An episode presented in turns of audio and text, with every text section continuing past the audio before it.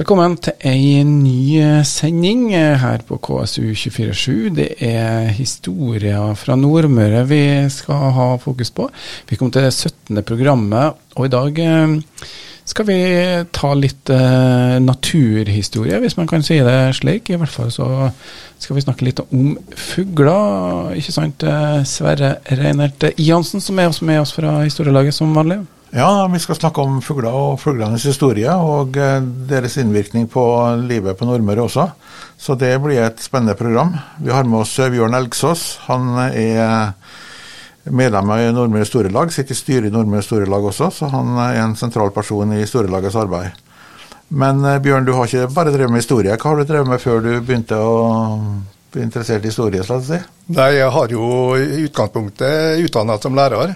Ja. Jeg jobba som lærer på Nordland ungdomsskole i mange, mange år. Undervist hovedsakelig i matematikk og naturfag. Ja. Har vært interessert i naturfag siden jeg gikk på lærerskolen. Tok eh, tilleggsutdanning i biologi og økologi etter jeg var ferdig. I 1995 så gikk jeg over i en stilling som i administrasjon på skoleadministrasjonen i kommunen, ja. og jobba der frem til at jeg gikk av med pensjon. Ja. Og, eh, men fugler har du egentlig vært interessert i alle, sånn her, fra, allerede fra lærerskoletida, ja, kanskje? Ja, det var interessert i fuglene våre. Og eh, jeg har jo meldt meg inn da i Norsk ornitologisk forening, som det heter. Det er en medlemsforening for amatører som er interessert i fugl. Nå er jo den foreninga skifta navn og er i ferd med å jobbe seg over til navnet som da blir Birdlife Norge, som er litt mer kanskje oppdatert i hva skal jeg si, Folk var litt skeptiske til å ta med Norsk ornitologisk forening. Det hørtes litt skummelt ut. Slik at uh, kanskje du må ta utdanning for å være med, osv. Så, videre. så bakgrunnen for navneskiftet er jo at det skal bli en mer folkelig forening. da. Det jobber med fugl og interessert. Jeg har faret og kikka på fugl siden midten på 70-tallet. Uh, så du har flere kikkerter sånn du også? Ja da, jeg har fast kikkert liggende i bilen. og Jeg har kikkerter hjemme, og kikkert på hytta, og jeg har teleskop Aha. for å komme litt tettere og nærere innpå fuglene. Ja. Så når jeg drar på turer, så har jeg alltid håndkikkerten, teleskopet og foto med telelinse med. Hvor går du på turen da, når du skal finne litt Nei, om fugler? Det er litt forskjellig, da. Om det er bare en liten snartur, så er jeg ofte på Frøya, da. Eh, også i Kristiansund på Nordlandet. Det er jo kjempeområder innover på østsida av Nordlandet som er veldig uberørt, så det er mye fugl på. Ja. Eh, ellers så har jeg faste turer som jeg har forret i mange, mange år til nede i Gaustavågen, Skottemsvika i Eide, Fræna kommune, i tidligere kommunene der som Hustadvika nå. Mm. Uh, får jeg fast på Dovre, på ja. Fokstemyra, som er da et uh, mer sånn, hva skal jeg si, berømt fugleområde har vært det i mange, mange år.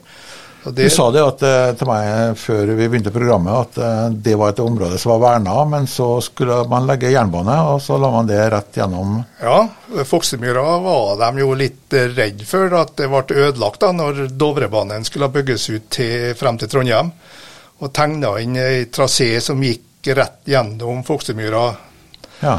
Og, men det fikk de nå gjennomført. Og, men resten av Foktemyra ble jo freda da, i 1923, så det er jo snart 100 år siden at den ble freda. Og det har jo vist seg i ettertid at uh, fuglene har klart seg godt. Ja. Så den med klekke og står i bare ja, ja. på Foktemyra? Nå er det lagt opp ei løype rundt der som er bygd opp med uh, stier som du kan gå på, bygd i tre, slik at du unngår trafikk utenom og forstyrrer fuglene. Og det er bygd opp et fugletårn, så du kan gå opp i og få oversikter over eh, hele myra. Ja. Som det er fint å observere fra. Så du er iallfall en gang i året så er ja, du på de traktene der? minst en gang for året er jeg ja. på der og kikker. Men du Bjørn, det er ikke bare du. altså eh, Folk har jo vært opptatt av fugler i ualminnelige tider, har de ikke det? Ja da, fuglene og mennesker har vært fascinert av fuglene fra tidenes morgen. Ja. Hvis vi går til forhistorisk tid og lese litt om en Odin og en Thor, så hadde jo Odin to ravner ja. som satt på skuldra. Og det er jo en fugl som alle kjenner nesten. Ja. En stor kråke. Ravn. de reiste jo rundt i verden på den tida, som var verden, og rapporterte til Odin hva de har observert hver eneste dag. Var det Hugin og Munin, det? Hugin og Munin var navnet på de to ravnene. Og så har du jo innafor, når vi er ferdig med forhistorisk den tida før kristen tid, så kom jo religion, og der var jo fugler med. Dua er jo kjent gjennom hele kristendommen. Ja, fra pinseberetninga blant annet. Ja, ja. Kjent med dua. Ja. Mhm.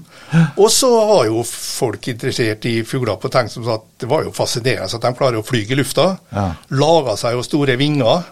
Eh, Hadde på hender og bøgde seg ut og skulle hoppe utom og trodde at nå gikk det an å fly. Men det gikk jo vanligvis ikke så bra, da. Det ble jo krasjlanding de aller fleste gangene. Ja. Men det betyr kanskje at folk var for tunge for å ha noe sånne vinger? Ja da, det er jo det som ligger bakgrunnen i det. De fuglene har jo en spesiell anatomi, bygd opp med at alle, hele skjelettet er jo perforert og er ikke noe kompakt. Det er ikke noe sement inni Ikke noe sement inni. Det er tomrom inni alle steder, så Ja. de, er, de er veldig lett i forhold til volumet sitt. Og det er det som er årsaken til at, du, at de klarer å holde seg i lufta med vingene. Så det blir lette dyr, egentlig. Lette dyr. Ja. Men um, Og det har jo, kan jeg bare avbryte litt, Ja. Sverre, de har jo også vært fugler vært på eh, jorda i lang, lang tid. Altså, De mener jo at det er, stammer egentlig fra dinosaurene. Ja. I forhold til fasong og sånn, så er det tett oppunder dinosaurdyrene de kommer fra. Blitt noe egen gruppe. så de eldste fossilene som er funnet av fugler, er ca. 150 millioner år. Aha. Så det er en dyregruppe som har vært på jorda i, i lang, lang tid. ja. Og så gjorde mennesker etter hvert seg en eh, nytte av disse fuglene, som det var sikkert eh, mange av i perioder. Men, eh, men man lager seg jo bl.a. mat av fuglene. Ja da, fuglene har vært jaktbart i lang, lang tid. Og det, mat er jo én ting, de har jo funnet igjen eh, i eh, avfallshauger etter tidligere folk som har bodd rundt omkring både fra bronse og stenalder. At du finner rester av fugler. Så det har vært en mattilgang. Eh, Du har Det er jo tett oppunder historien nå. På, det har vært på Smøla, vet jeg, spesielt enda mer lenger nord. At de drev med dunvær. Altså de lot laga til skikkelige forhold til ærfugl som hekka. Og de nappa jo veldig mye dun av sin egen kropp for å varme eggene. Og når eh, fuglene fløy ut og ungene var borte, så samla de sammen duna og laga dynduner av dem. Rensa duna og brukte det til Ja, For det var ikke billige dyna det var ikke billig. Den, de var veldig fine og veldig varme, og de var en tilleggsnæring for de som drev med fiske og fangst ofte langs kysten. Ja. Og mat ellers har det vært. Men eh, dette med jakt også, som eh, falker og, og sånn, så har man jo brukt de som egentlig til, til å skaffe seg mat. og stjele mat la oss si, Ja fra, fra andre. Det har det vært. Det, vi har jo kanskje tenker sånn at vi ser falker og falkonering, at det er arabiske sjeiker og alt mulig som sitter med en falk oppå handa. Men Ja, men det er ikke bare derifra. De var brukt egentlig til matsøk. De trener dem opp til å ta vilt og bringe dem tilbake. Og det var Det er jo funnet falkefangstfeller på Jeg har sett det selv på Dovre når jeg får opp på det, hvor de bygde opp store steingarder. La ei stor steinhølle over, satt under stille og rolig. La opp åte på toppen oppå, og satt og venta og håpa at det kom en eller annen form for en rovfugl. Var opp og grep tak i den og fanga på den måten. Så det finnes en del rester av falkefangstfeller rundt omkring som har vært brukt. Så det har vært, vært veldig mye brukt i forskjellige områder. Ta med fangst. Men du forteller også om brevdua. Altså, det ble også brukt under krigen, iallfall i Ja. første verdenskrig, kanskje? Ja, brevduene er jo Det er jo noen som driver med brevduer i dag. Uh, mer på hobbybasis, Ja. men under, spesielt under første verdenskrig så brukte de jo brevduer til å sende meldinger til eh, for å få støtte til ting. eh, Utvikling av krigen fra skyttergraver osv., hvor de sendte ut brevduene. Og de har jo en kapasitet på at de kan fly oppimot 1000 km. Så de kan jo gi beskjeder langt lei ved at de får med seg en liten lapp på foten. Men hva det som gjør at de finner tilbake? Ja? Er det noen som vet noe om det? eller? Nei, det har de jo lurt mye på. Det er jo ei øving og trening. Ja. Og at de finner tilbake der de hører hjem. De eh, har jo, de som driver med brevdua i dag, de sender dem ut hver dag. Ja. At de er ute og tar noen flygetimer. Og så lukker lokker de tilbake igjen til eh, dueslaget sitt. Og der får de ofte mat. Og da vet de at ok, vi tar oss en runde og strekker på vingene, men er mat, så er vi tilbake dit vi var. Ja. Men det er en treningssak Ja. gjennom det. Men det var på en vis erstatning eller sånn, før mobiltelefonen? Ja, før mobiltelefonen. Var en gammeldags mobiltelefon. Da fikk du ei brevdue, så vi fikk eh, sendt meldinger. Ja. Jo, men det er jo interessant dette her at det er historier om, om eh, hva dyrene ble brukt til i gamle dager, altså. Men nå er vi jo vis også i et eh, lege av eh, naturen hvor eh, mange av fuglene kanskje blir utrydda. Ja. Det, de er jo, de er jo eh, trua, mange fugler. Ja. Og det er jo mange forskjellige årsaker, men det har jo vært i all tid. Endra seg. Kanskje den mest kjente fuglen som er forsvunnet fra, det er jo en som heter geirfugl. Jaha. Altså Det var en fugl som ligner på en sånn sjøfugl, alkeskarvlignende fugl, som det var veldig mye av. Ja. Og den har de funnet rester Ble jakta på den da, Ble sånn jakta på ja. med forskjellige grep fra gammelt av, og de har jo funnet, eh, som jeg nevnte i sted, ta med i restene i boplasser fra steinalderen, bronsealderen, hvor de har funnet rester av bein fra geirfugl. Og det var mye mat på den. Han var veldig rik på eh, kjøtt i selve fuglen, slik at han var fint jaktfelt å komme og ta tak i. Og den forsvant mer og mer. og det siste de kjenner, så er jo en eh, siste observasjon av en geirfugl i området Atlanterhavet, Norskehavet, er fra 1850. Og fra etter den tid så er den fuglen borte. Og det er jo en del fugler i dag også som er i faresonen. Så du mener at det er egentlig sånn menneskelig påvirkning, at man hadde for lite mat som menneske, skal si, og Ja. så tok man fuglen, Ja. og så ble denne geirfuglen ute av drift da? Ja. Og det, blir vi for få av, men så er en jo utsatt for å gå eh, helt bort. For at en del dør jo hele tida. Ja. Og så kan du tenke oss småfugler ikke sant, som legger ti-tolv egg. Hvis alle sammen har levd opp hvert år, så har vi jo hatt haugvis med den arten. Men det er jo for at arten skal holde seg, så er det nok at to stykker overlever. Ja. Og erstatte sine foreldre. Ja. Så er det jo nok fugler av den arten. Men altså, hvis høstinga blir for stor, så vil jo arten til slutt uh, forsvinne. Er det noen regler på det nå, sånn at eh, man tar vare på fuglearter, eller Ja, det, er det noen som er verna på et vis, eller freda? Ja, det er jo veldig mange som blir freda. Ja. Altså utarbeides jo hvert år, eller det kommer jo over år, da, men det utarbeides sånn såkalte rødlistearter. Jaha. Og det er jo eh, fra myndighetene utarbeides en rapport som da sier hvilke fugler som er sterkt trua, som er trua, som er sårbare, forskjellige typer, som da eh, er offentliggjort. Og de fuglene er jo freda. Ja. Vi hadde jo et godt eh, Hvis vi går litt tilbake når det gjelder jakt og sånn, så var det jo veldig mye jakt på rovfugler på 50-60-tallet. For det var jo ofte sett på at Og skuddpremie på dem. Skuddpremie var det på dem, fordi Ja. at de var sett på som en konkurrent til oss. Ja. De tok jo en del vilt. Mm. og ble eh, sett på som at dem må vi få bort, for da får vi mye mer vilt. Men det viste seg jo på når de begynte å skyte ned rovfuglene med skuddpremie, så ble det jo ikke mer vilt allikevel. For de styrer seg jo på et helt annet område. Det er jo kanskje blir for mange arter i forhold til mattilgang. Så blir jo ikke flere av de andre fuglene allikevel. Nei. Så da var jo mange av de rovfuglene sårbare, og så ble de freda. Og i dag er jo alle rovfugler freda i Norge. Så det går ikke an å legge seg ut og skyte på havørn, altså? Nei, det er ikke lov. Nei. Det er ikke lov i dag. Nei, Men det var skuddpremie Ja før, da, kanskje? på ja, ja. disse ja da, det var det. Det var skuddpremie på. Men har vi noen eh, Altså, du sier at det, nå er de freda og sånn, men de har vel litt sånn nytte av dem? Kanskje at det var nyttigere å fugle på et vis? At de eh, gjorde en tjeneste for uh, renske opp litt i Ja, da. Altså, du, hovedsakelig havørn, som vi har veldig mye av rundt her til oss nå i, i år, da. eller altså nå i siste tida, så er jo havørn øka i antall. Han er jo til og med øka i antall på Smøla, der vindmøllene tar jo noen havørn, men allikevel så er det jo mye havørn. De spiser jo hovedsakelig åtsel. Åtsel er jo døde dyr som ligger rundt omkring, eller fisk som ligger i sjøen. Som rensker opp? De er på en måte og liktan sånn som kråke og ram, det er jo renovatører, for å si det sånn, i naturen. De spiser jo hovedsakelig det de finner Ja. av dødt materiale. Jeg har en sønn som, har, eh, som bor i Havørnveien uten Ja, ja. Seivika. eh, Seivika. Ja. Og han ser ofte havørn, tror jeg. Ja, ja, det er mye havørn der ute. Ja. Ja. det, er- det er et, eh, altså rundt Smøla, Tustna, eh, på Frei og Hekke det er havørn. Ja. Så, så den er, men eh, du kan si at de fleste av rovfuglene som da det var, det var skuddpremie på, de ble jo, etter at skuddpremien ble fjerna og de ble freda, så har jo bestanden øka.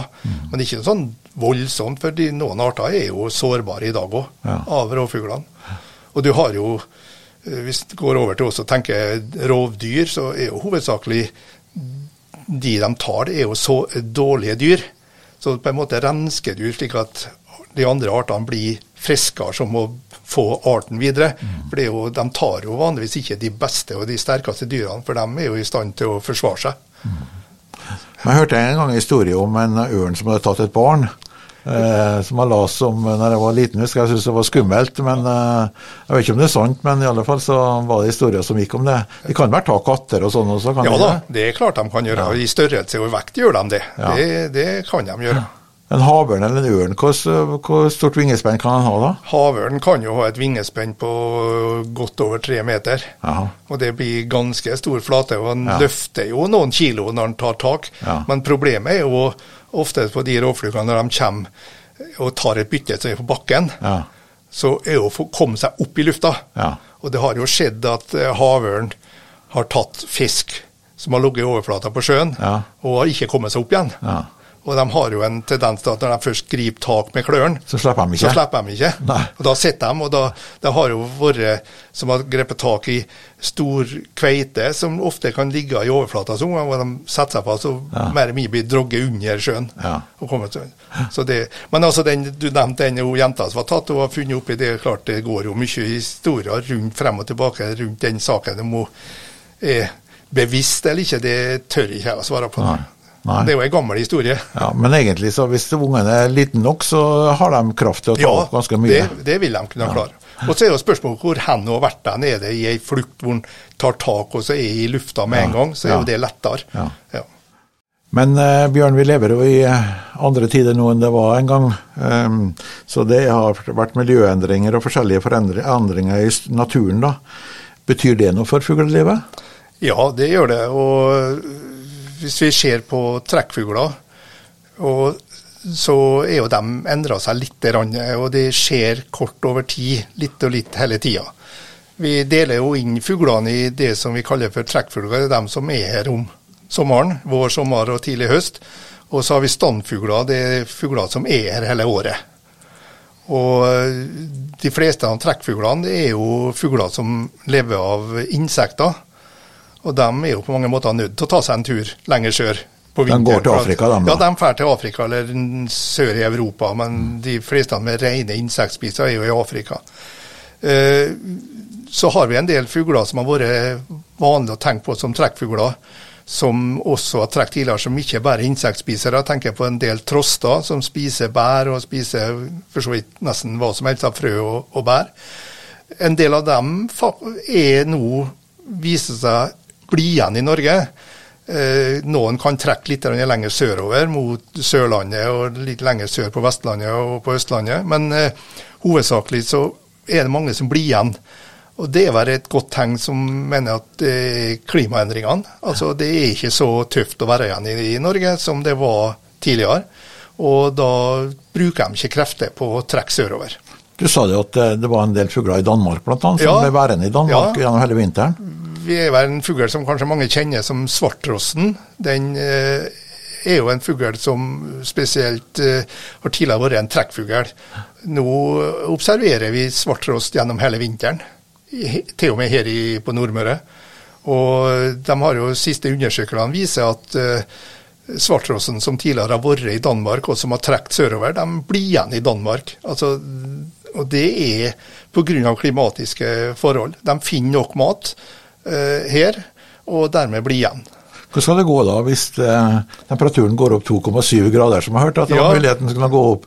Da blir de jo værende her eller skokken? Jo, det, og det viser seg flere og flere blir igjen. altså det vi har hatt fugler som tidligere har vært i Nord-Norge, som kommer ned hit utpå høsten. Spiser rognbær, bl.a. Det er jo som er igjen her, men har ikke sett så mye av dem i år. Men de blir igjen, for de finner nok mat der de er.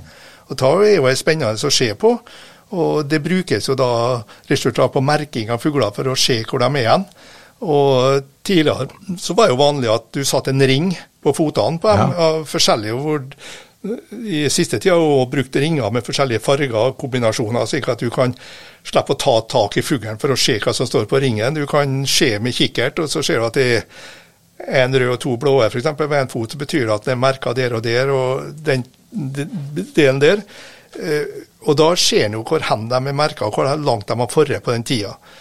Eh, teknologien kommer jo her, og det er jo, i dag brukes det en del på større dyr, større fugler, eh, hvor de fester en, en radiosender oppå ryggen på dem. I nederste halsen og på øversida av ryggen. Hvor de da får se på skjerm etterpå helt kontinuerlig hvor hen fuglen er igjen. Og Da viser at de får og flytter i forskjellige retninger og endrer litt på de tidligere trekkveiene som har vært. Så Det er jo spennende å se hva som vil skje nå hvis vi skulle få en enda mer stigning på temperaturen. Så nå kan man egentlig følge med fuglene fra dag til dag? på et ja, så kan sånn de som er satt på det, følge dem fra dag til dag og ser hvor de til enhver tid er igjen. Og rare er jo at de får veldig store avstander. Da snakker vi om en del rovfugler som er merka på den måten, for de må jo være en viss størrelse for at du har mulighet til å, til å sette på en sender på dem. Men de kommer jo ofte tilbake til den samme plassen som de hekka på, året etterpå. Så eh, det er utrolig, og litt av det vi var inne på i sted med, med brevduene, at de er i stand til å komme tilbake. Ja, det er jo ganske utrolig at de har sånne ja innlagt et eller annet i hjernen som vi andre ikke har så mye av. Ja. Jeg, finner, jo, jeg, jeg finner jo ikke igjen bilen min, jeg har parkert den, så det er jo mye vanskeligere. Ja, nei, jeg har jo, jeg har jo sett på eksempler som uh, har det på hytta hvor jeg har en del sånne fuglekasser som de hekker i. Og det er jo fugler der som jeg vet trekker til Afrika, insektspisere, som kommer tilbake omtrent på samme tid. Og at eh, det er samme fuglen, det kan jeg ikke å si, for jeg kjenner dem ikke sånn, for de er jo likedan. Men at de er tilbake igjen, kommer til samme plassen, samme type fugl, år etter år etter år, det er litt rart når du vet at de er på vinterferie sør for eh, ekvator. Men de nye tidene betyr også at vi er kanskje flinkere, vi mennesker, til å mate fuglene våre? Ja da. Fuglemating og eh, arbeid med for å lage til og gjøre det bedre for fuglene er jo blitt populært. Det viser seg at det, det er jo på hundrevis av tonn med fuglemat som blir importert til Norge hvert år, av solsikkefrø og den type, som uh, legges ut som fuglemat. Og det er jo med på at du berger en del fugler som da satser på vær i Norge uh, gjennom vinteren, og ikke, ikke trekker sør, lenger sør. Så fuglemating er jo blitt populært. Ja. Jeg vet om en mann på Frei som eh, Han bor ikke på Frei, han bor i, i Vågen i Kristiansund, men han setter ut veldig mye fuglekasser på Frei og sånn, og følger med ganske nøye på det. Mm -hmm. og, så det var en måte å ta vare på fuglene på, kanskje? Ja da, hjelp, og hjelpe dem på å finne egna hekkeplasser er jo viktig. Mm. Og der har du en del kanskje som endrer seg òg i dag ved skogbrukdrift. altså det Tidligere når de drev skogen, så høgde de ut enkelttrær, sånn at det sto igjen plasser der fugler kan hekke på. I dag er jo ofte flathogst, hvor du hogger ut store felt. Og Det kan jo være en, uh, vanskelig for en del fugler å finne egnede hekkeplasser. Og Da vil jo en hekk, fuglekasse og en fugleholk som vi sier, være et stor hjelp for å få dem til å uh, overvintre og øke sitt antall. Men det som også er blitt, som er en, i disse tidene her, så si, som er litt av eh, utviklinga i historien, da, det at vi teller fugler nå mye mer enn vi gjorde før, kanskje. Ja da. I hager og, og på sletta. Ja da. det Fugletelling har blitt veldig populært. Og eh, Norsk ornitologisk forening, eller BirdLife, de, unnskyld, de har jo, de har jo satt i gang noe som heter hagefugletelling og drevet på det i mange mange år. Det er vel 12-13 år de holder på med det. Og Da er jo vanlige amatører som teller i hagene sine, og helst bør det være på samme plassen år etter år etter år. og rapporterer hvilke fugler de ser og hvor mange de ser. Og da, gir da veldig god informasjon til de som driver forskning innenfor fuglelivet. Og sjekka opp nå i 2021, nå i januar, for det er jo da hagefugltellinga foregår. For det er jo for å se de fuglene som er igjen i Norge som en stamme. Så var det telt i 13 000 hager ca. rundt omkring i landet, og de observerte da over 600 000 individ. Og det de får veldig datamengder? Veldig store datamengder. og I tillegg så er det jo lagt inn en, eh, en eh, app som er så populært i dag, med, hvor du kan registrere som heter artsobservasjoner. Der kan alle som vil registrere seg og registrere inn de fuglene som de ser døgnet rundt, når som helst. Og det er store mengder informasjon som da kommer inn til, til forskning når det gjelder fuglelivet. Det er veldig populært å holde på med. Nå hører du på KSU247 da, og podkasten Historier fra Nordmøre, som i dag har et eh, blikk på fugler, og sett både sånn historisk og fra et litt lokalt eh, perspektiv. Eh, Sverre Jansen fra historielaget holder eh, tråden i det, mens Bjørn Elgsås er den som forteller. Ja, Bjørn han forteller. Han er jo en ivrig medlem av historielaget også. og Eh, en som har satt seg inn i mye fugleliv, bl.a. Eh, på Nordmøre, men også historie bak eh, fuglene. Men det finnes mye mystikk tror jeg, når det gjelder fugler. fordi det var mye spådommer. altså Fuglene ga noen værtegn og noen tegn ellers på hva man skulle se etter, og hvordan det gikk og sånn. Um, men jeg jeg leste trekkfugler og forhold til stamfugler, så jeg si, uh, hvordan var det? Altså, så man mye tegn i trekkfuglene? Ja da, han gjorde det. Og spesielt var det jo på de tidspunktene som, eh, som eh, trekkfuglene kom. Det var jo eh, en del spesielt bønder og fiskere og en del sånne som fulgte med tegnene på fuglene. Og det gikk jo ofte på hva skulle de gjøre når de fiska. Det var, Måse var jo en vanlig art som fiskerne så på. Og hvis måsen kom fra sjøen og inn mot land, så var det et lite tegn på som de så at nå kan det være uvær på gang. Jaha. Det var ikke mye værmelding og yr når vi går langt tilbake i tida. Da så de på tegnene som de så i naturen. Og da var det sånn som hvis måsen kom fra, som jeg sa, fra sjøen, så kunne det være tegn på at det var dårlig vær. Da burde en kanskje ikke dra ut på fiske med robåten. Men det kunne være en realitet i det, faktisk? Ja da. At uh, måsen var redd for styggværet og tok seg inn mot land? Så, ja da, og det, det, var de veldig nøye på, en del av de tradisjonene som gikk på hva du så i naturen på fuglene. Gir tegn. Det var andre ting som sa men gåsa, som vi kjenner til alle sammen, med plogene som kommer nordover om våren og sørover på høsten. Hvis de kom veldig tidlig, så var det jo det et lite tegn på at i år blir det tidlig vår, og tidlig vår og god så på, såing på et tidlig tidspunkt, så ble det ofte et godt avling når du kom utpå. Så det var det de så etter. Og noterte seg ting som skjedde sammen med almanakken, og så at nå, nå erfaringsmessig når grågåsa flyr nordover så tidlig, så viser det seg at da blir det vanligvis gode avlinger. Jeg tror det er en sang det heter at uh Um, gåsa flyger i flokk når de er mange nok. Ja, det, det, det, er jo riktig, det. ja, Så det er vel egentlig et tegn på også kanskje at eh, man ser eh, tegn i naturen. Med avlinger, da? Hva er det med, altså Blir det gode avlinger med mye fugler, eller er det sånn at uh, det blir lite avlinger med mye fugler? Det er jo forskjellig fra landsted til landsted. Ja, det er det sikkert, det er. Så det er vanskelig å si om Eh, hva som skjer og ikke når det gjelder ta med avlinger, men det er jo lokale tegn som går på at eh, Så jeg så her på eh, skjæra, som også vi kjenner mange som hvis de gikk rundt og sparka i høyet om, på dagen, så ble det godt høyvær dagen etterpå. Og, og, Det jo, høres jo litt sånn rart ut hva gjør, men det kan være noe i det likevel. fordi at når skjæra må gå og sparke i høyet, så er en tegn på at hun må finne mat. Og hvis det går mot tørke, så vil jo eventuelt insekter og mark og sånn trekke nedover fra lufta. For de liker seg jo ikke å ligge oppe i øverste halvdel, eller helt oppe i lufta. De trekker jo nedover i høyet.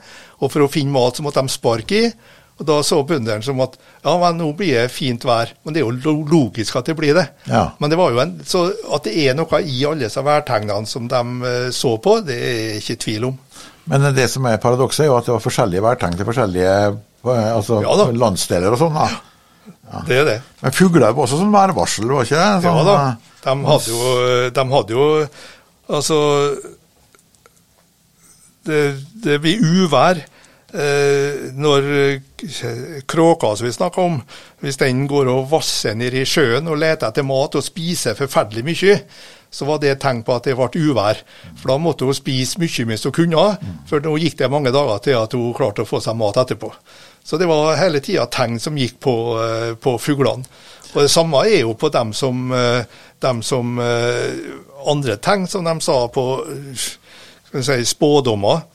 Eh, Vi hadde jo en som vi snakka om, eh, vi kjenner en svartrossen som vi nevnte litt Ja. om i sted, som sa at eh, den 14. februar på valentin, en dag som heter på gammelt eh, værtegn, at de, eh, at de eh, hvis ei jente så en svarttrost første hun så om morgenen, så ble hun gift med en prest. Så hun ei rødstrupe, så ble hun gift med en sjømann. Og var det en blåmeis, så ble det en glad mann, osv. Så, så de hadde en del sånn Om det er noe realitet i det, det er jo øh, vanskelig å si, da. Men det var jo noe som gikk igjen, som de satt og holdt på med på i eldre dager. Ja. De satt rundt bålet, kanskje. Det var ikke så mye Ja. ellers å finne på. Så Nei, det var ikke ikke så det. mye TV, så Nei. man kunne lage seg meninger med dette her. Men eh, vi snakker om eh, historien om tradisjoner og sånn. og eh, Mating av fugler med julenek og sånn var jo også en eh, god tradisjon som man hadde. Ja da, og julenekene jo, er jo en tradisjon som virker, fungerer også i dag. Det selges jo masse, masse julenek, og mange ser vel på det som en sånn flott gest å gi til fuglene til jul. Eh, Det er litt uh, ulik oppfatning om hva det er for noe, og hva, ligger, hva som ligger i julenek. Det er jo en del som mener at det er en eh, gammel, gammel skikk, før kristen tid faktisk, og at det var et vinteroffer til Odin og mot onde makter som var på gårdene. Og en liten bestikkelse til fuglene, da, som, eh, som eh, skulle få litt mat, slik at de ikke ødela avlinga neste år. Men så er jo andre som sier at en annen ting er at alle skal ha det godt i jula. Vi vi òg ønsker jo å ha det veldig godt i jula, og da skal fuglene få det godt, og så skal de få seg et nek. Så det var omsorg egentlig som lå bak. Både òg. Og så kom det innpå, så de brukte også juleneker. At når de satte opp, så tok de og øh, skulle stå veldig høyt. Det skulle vises. Det skulle være det beste kornet, for å vise at her på gården så har vi så mye godt korn at vi kan gi et skikkelig stort kornbånd til fuglene. Og hvis de, eh, det kom mange fugler med en gang, så var det et tegn på at vi får et godt år neste år. Så der hadde de spådommer inn, Ja. og tegn som de ville se. tegn på de- rikdom, blant annet, Tegn på rikdom, Ja. så de skulle få det bra. Ja. Så signaliserte hvordan det var på gården, egentlig. Ja. Men vi har eh, også, når det gjelder eh, gamle tradisjoner, så har vi gamle navn som, som er også her på Nordmøre, som kjennetegner egentlig fugler. ja da. Eh, Geografien eh, forteller oss litt om holmer og skjær hvor, eh, som har fuglenavn. Ja da, vi har Alle kjenner vel, eller mange kjenner i hvert fall til sånne navn som går igjen med Eaholmen. Ja. Det er jo en holme som da sannsynligvis var mye ærfugl på. Vi har borti Bolga så har vi en plass som heter Skarvhammeren. Og der er jo en område der det var skarv som satt og tørka vingene sine. Vi har sånne navn som Gåsvik, og det er å tenke på at her har det sikkert vært mye gås en gang i tida. Og den type geografi som vi finner igjen egentlig overalt. Så det var viktig egentlig liksom å markere at her, var, her hadde det vært mye fugler fra gammelt av. Ja, Ja. det var det. Men vi har også eh, navn på selve fuglene, som uh, sa litt grann om, egentlig, om hvilke fugler det var snakk om. Ja. Eh, Talatrossen var jo noe som eh, ja man bør- kanskje var et tegn på hva den trossen sa. Ja, Talatross, som du sier, Sverre, den eh, er jo en høres ut som en fugl som da snakker mye og snakker forskjellige lyder. og Det gjorde de, og det var mårtrossen. Mårtrossen er en veldig kjent fugl som har forskjellige etterligninger. De mener faktisk at den kan ha forskjellige uh, måter å synge på etter geografi, hvor de er hen. Altså Du får ikke samme lyden av en, en mårtross som er oppe i Rindalen, som en måltråd som er på Frøya f.eks. De har dialekter på et vis? Altså. På, på, på, sangen. Og gikk under ofte navnet som talatrost. Du har andre sånne som uh, skjærer, som går ut og skravler hele tida. Den gikk ofte under et lokalnavn som skravlkjerring. For den, du, du, du, gir aldri ro hele tida som det gikk igjen der. Eh, ravn kjenner vi også til. Den er et navn som brukes ofte. Den gikk under, bruker ordet korp. Det henger med at han har en lyd som man av og til sier korp, korp når han flyr. og Da kaller de for Korpen. Det gikk ut, det var samme navn som da ravn. Så sånn kjente man fugler igjen, egentlig, på ja. det som fuglene ga uttrykk for? Fuglene var jo uttrykk for. De uh, rødstrupe, som er en sånn fugl som er igjen her uh, hele vinteren, uh, synger veldig tidlig om morgenen. Aha. Og Den lokalt har et navn som heter tiurklokka. Og Det vil si at det var den som vekket tiuren når den skulle ut på spillet sitt på tiurleikene. Så det, Lokalnavnene går ofte igjen som hva de eh, jeg både med lyd og hvor de er hen, og hvor tid de synger osv. Men du Bjørn, eh, vi snakker om eh, områder hvor det er mye fugl og sånn. og Vi snakka et sted om, om Fokstua og gårdene på, eller gårdene på Fokstua, At det var et område der hvor det var mye fredningsområde for fugl. Ja. Men det finnes jo andre mot uh, snøhetta og sånn finnes det områder tror jeg, hvor det ja, er fredningsområde for fugl? Det er masse områder som er, som er freda for fugler, som er naturreservat. Vi trenger ikke dra helt på Dovre. Vi har jo et ute i Gløsvågen på Nordlandet. Aha. Eh, området rundt der som er der som det, demningen var, den er jo ødelagt nå, da, men det, det vannet som er inni Gløsvågen der, som er opp mot forlengelsen av flyplassen, det, og, og engelen rundt, der er et freda naturreservat. og Årsaken til fredninga er at det er mye fugl der. Og Vadefugl og en del ender. Så det er et freda område. Du har det på Smøla, flere freda områder. Vi har det ute i Mellanvågen på Aure. Det er et stort freda område som går på vadefugler. Det er spesielt dem som er viktige å frede for, for at vadefuglene trekker jo vår og høst, og de må ha en plass der de kan gå inn og finne mye mat. Sånn hekkeområde der, på et vis? eller? Ja, både hekke- og matområder. Ja. ja. Så det er viktige områder å ta vare på ja. også i Kristiansund eller på Nordmøre? da? Ja. ja. Eide snakka vi litt om. Ja. på Eide, Eide Fræna, som nå er Hustadvika. Der er ute i Gaustadvågen og Skottheimsvika. Det er store områder som er freda. Og der er mye fugl hele tida. Ja. ja. Det finnes jo en del fugler som er trua. Er det noen fugler vi vet om som vi føler noe som er sånn rød eh, på at de er veldig trua, at de er rødmerka på et vis? Ja ja. Vi, eh, vi som har levd en stund, i alle fall, kjenner jo helt til sånt som vipe og storspove, som var liksom vanlige fugler tidligere. De er omtrent helt borte i dag. Ja. Og de er på rødlista. Og eh, hvis en tenker seg vipa, da, som kommer tidlig om våren og drar og flyr og skriker og liksom tenker på at nå er våren under remning, når når vi observerer vipa, så var det i år vi har drevet et prosjekt på vipe for å kartlegge vipene og hvor de hekker hen og hvor de har forsvunnet fra. Så er det faktisk startet på Frøyøya, som også var vipe mange, mange plasser. Eneste plassen jeg hekka vipe på i år, var på Husbygården nedenfor eh, Freikirka. Og Der hekka det noen par nede på enga der, og det var da eneste plassen som vi vet om det hekka vipe. Det er store forandringer? Siden... Store forandringer. Det er redusert kanskje med så mye som en 70-80% i antallet. og den er jo rødlist. Vet man hvorfor det skjedde? Nei, han vet ikke akkurat hvorfor, men eh, det kan En teori går jo på på landbruks- og måten å høste gras på, hvor du bruker fòrhøstere og den type, hvor du da ikke ser dem kjørende reder og sånn? Ja, og det prosjektet vi hadde inn på Frei med den husby det er, vi er foreninga vært i kontakt med gårdeieren. Og han er interessert i å berge dem. Han har til og med passa på å flytte reir når han har slått, og så flytter de tilbake igjen. Og, og dermed klarer å få vipa til å hekte og få etter. Delvis så har det, kan det se ut som at kråka er en veldig stor predator når det gjelder ta med å ta unger fra vipa. For at de, er, de har prøvd andre plasser der du Der du eh, hadde satt der pinner med reirene for å vise liksom at her er det reir, så der skal vi være forsiktige så ikke blir slått gress. Så satt kråka og passa på når de slo ned pinnene, og når eh, foreldrene fløy bort fra reiret, så var de nede og tok ungene. Ja. Men eh, det, det, er jo ting som man jobber med under da, de registreringene som nå er.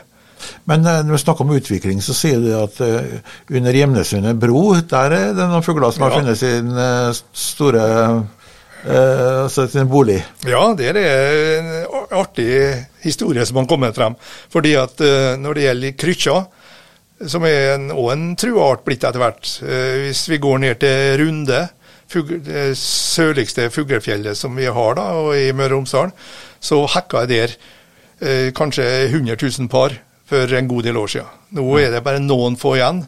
Men så under Gjemnesundbrua, som du sier, Sverre, der hekker eh, krykkja nå. Og der er flere hundre par som hekker på de stolpene eller de betongelementene som da bærer broa. Ja. Og det får de herre i fred. Det er veldig vanskelig å komme til for andre å ta noe av både egg og unger.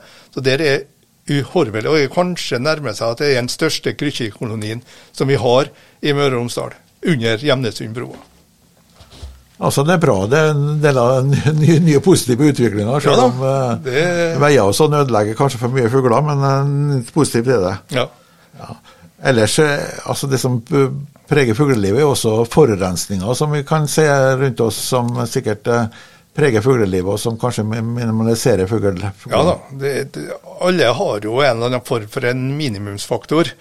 For å få, Enten er det mat, eller så er det et hekkeområde, eller så er det du kan oppholde deg slik at du, hvor blir du tatt eh, rovfugler eller rovdyr som kan ta osv. Så, så det som er Faren er jo nå hva vil de miljøpåvirkningene som vi har, komme inn og gjøre noen endringer på fuglelivet. Men endringer skjer hele tida. Det har skjedd hele tida. Så det må en være, være obs på. Ja, for det du nevner på Fokstua der, det at uh, fuglene egentlig, etter at jernbanen kom, så kan de ta og lage reir ganske nær jernbanen og ikke være redd og sånn. Ja. Men, eh, og Det har kanskje noe med at fuglene er omstillingsdyktige, dem også? Ja, de venner seg til det som skjer. så Det har jo vært tatt bilder av og på Fokstua og jernbanen, som du sier, hvor lineler hekker mellom jernbaneskinnene. Ja. Selv om, om, toget går. Så, så, er det greit, det. altså. Og Jeg har jo sjøl opplevd at hvis du er ute og kikker etter fugl og kjører bil, som mange kanskje tror det fuglene ikke vil ha, så stopper du og ser på fugl mens bilen står i ro, og til og med motoren i gang, og ser ut så flytter de seg ikke. Slår du av motoren og går ut, så flyr de. Så det er en del ting Vil etter hvert finne ut hva er farlig, og hva er ikke farlig, og de innretter seg deretter. Ja, nei, men da tror jeg vi går imot uh, Men uh, før vi avslutter um, Dette ornitologiske foreninger som um, du er medlem av i Møre og Romsdal. Det er ja. forening i Møre og Romsdal, men uh, bl.a. er lokalforening i Surna, som du sier. Ja. Men um, har de mange medlemmer? Er det mange som er sånn interessert, sånn som du er? Ja, i, i Møre og Romsdal så er vi i foreninga nå ca. 600 medlemmer som er aktive medlemmer i foreninga. Det har tidligere vært lokallag flere plasser, men uh, nå er det fylkeslaget som uh, arrangerer både fellesturer Eh, som arrangerer medlemsmøter osv. Men i Surndalen så foregår det, er det aktiv forening som merker fugler på en fast stasjon. Og du er aktiv også på apper, sant? Du bruker en del apper for ja, å registrere fugler? Ja da, registrerer på artsobservasjoner. Det finnes apper der du kan skrive inn navnet på en fugl, og så får du andre fugler som ligner, slik at du har mulighet til å se med bilder hvilken fugl du ser på hvis du er usikker. Så uh, men de fellesturene som jeg nevnte i sted, dem òg er veldig populære. Vi har fast eh, foreninga en tur i Gløsvågen eh, i mai måned. Og sist nå, når vi hadde i mai i år, så var vi faktisk talt bortimot 30 stykker, som møtte opp og var med på en totimes gåtur rundt forskjellige der, hvor vi da har med folk som er eksperter på lyd og på se fugl, som da forteller at ja, nå hører vi den, nå hører vi den, og så lærer du kanskje ved at du er sammen med noen som kan enda mer. Det er jo interessant med uh, fugletitting, uh, har jeg inntrykk av. Nå skal jeg ikke si at jeg har noen statistikk, men det er litt blitt uh, mer og mer populært. og da lurer jeg jo på, du har jo nevnt litt hvordan man kan være med her. Hva er det mest eller artigste du har sett, eller mest interessante fugleopplevelsen for deg? Å nei, det kan være mange, men ta den ta den siste, så fikk jeg har jo også en app og er med på en del del sånn bombevarsel. Altså du får en melding på mobilen at nå har vi, er den og den fuglen der. Og da er jo en del som flyr alle steder og får tak i dem, men det gjør jo ikke jeg. da. Men jeg fikk en bombevarsel her nå på, på lørdag, og da var det en hærfugl som jeg har aldri sett før, som var inne til en husby på Freistranda. For og gikk der og spiste. Og når jeg for nå dit da for å se når det var såpass nære. og Da var det jo folk fra Surndalen og forskjellige plasser som kom dit for å få se den fuglen. Og Det er jo de såkalte krysserne som kalles det før, som da ønsker å se de sjeldne fuglene. Men det er jo litt artig å se på dem hvor du får meldingene, da. Så. Det er jo akkurat det der. Og hvis du har lyst til å se en film om det her, eh, du har kanskje sett The Big Year? Nei, det har jeg ikke. Nei, det kan jeg anbefale. Den har jeg faktisk sett. Det er en film da med um, ganske kjente skuespillere. Jack Black, Steve Martin, som kanskje kjenner, Owen Wilson. Og det handler om å ultimate drømmen å ta et helt år fri og bare kikke på fugler. Mm. Og da er det liksom eh, kryssere, som du sier, da, mm. som da noterer i boka si hvilke fugler har de mm. sett, mm. og så handler det om å ha sett flest mulig filmer på et år. da. Mm. Morsom eh, sak, eh, i hvert fall hvis du ikke driver med fugletitting, for det er sikkert masse som ikke er riktig. Men eh, ja, en film å, å se på, i hvert fall eh, da. Men jeg har en annen òg som er litt av historie akkurat på det, når vi mm, snakka mye om Dovre og Fokstemyra, for der er jo en plass jeg færer veldig mye. Det var et år jeg var oppe her, så traff jeg en uh, fyr som for gikk opp her med kikkert, regner med det er en som kikker på fugl. Ja, så kom nå i prat med han. Da viste jeg at han kom fra USA og skulle til Dovre, for han visste at det var kanskje den beste plassen å se en fugl som heter boltitt, altså hekke nokså høyt på fjellvidden. litt annet. Og Da reiser jeg fra USA til Norge for å se den fuglen, og sette på krysset og reise tilbake igjen. Er... Da er du veldig interessert? ja, da er jeg interessert. Men mennesker er jo samlere, og det er jo de som ja. plukker seg 2000 meter topper, og det er en som samler på frimerker. Ja. Så um, det er en del av det å dokumentere verden rundt oss, og det har vi fått eh, en innblikk i nå. Så eh, da er det bare å si tusen takk til Bjørn Elgsås. Eh, Sigurd Nei, Sverre, beklager. Neste mandag, nå, eller førstkommende mandag, det blir den 8. november så er det da er på um, Nordmøre som står på programmet? Ikke jo, da har Nordmøre Store Lag et uh, flott møte med Ellen Engdahl og Kjell Nergård som ordfører i Kristiansund. Han uh, og hun skal snakke om uh, Nordmøres framtid. Og legge som føringer på hva, hva, vi tenker om Nordmøre i, i framtida. Det blir veldig spennende. Ja, og vi som er her på Kulturhuset, eller dere som skal bli Kulturhuset, som er Nordmoria i gamle dager. Så der er det gamle Nordmoria, gamle Nordmøre, men her er altså framtida for eh, Nordmøre på da mandag 8. november. 8. november klokka 19 i bystyresalen. I bystyresalen. Velkommen til det, alle som er interessert i historie og Nordmøre, da. Og så um, er det, hvis det er noe innspill, et eller annet du ønsker å formidle til oss, så er det bare å sende um, en mail til post1ksu247.no, eh, så skal vi eventuelt ta med det. Takk til Sverre Jansen, og takk til da Bjørn Elgsås.